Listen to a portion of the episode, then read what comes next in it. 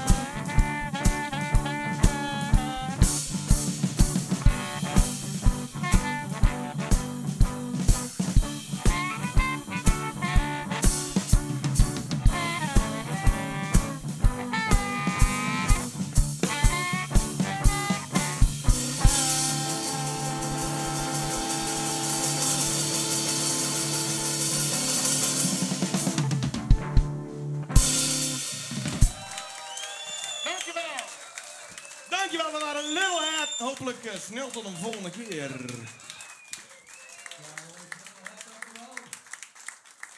Voordat we vragen of ze people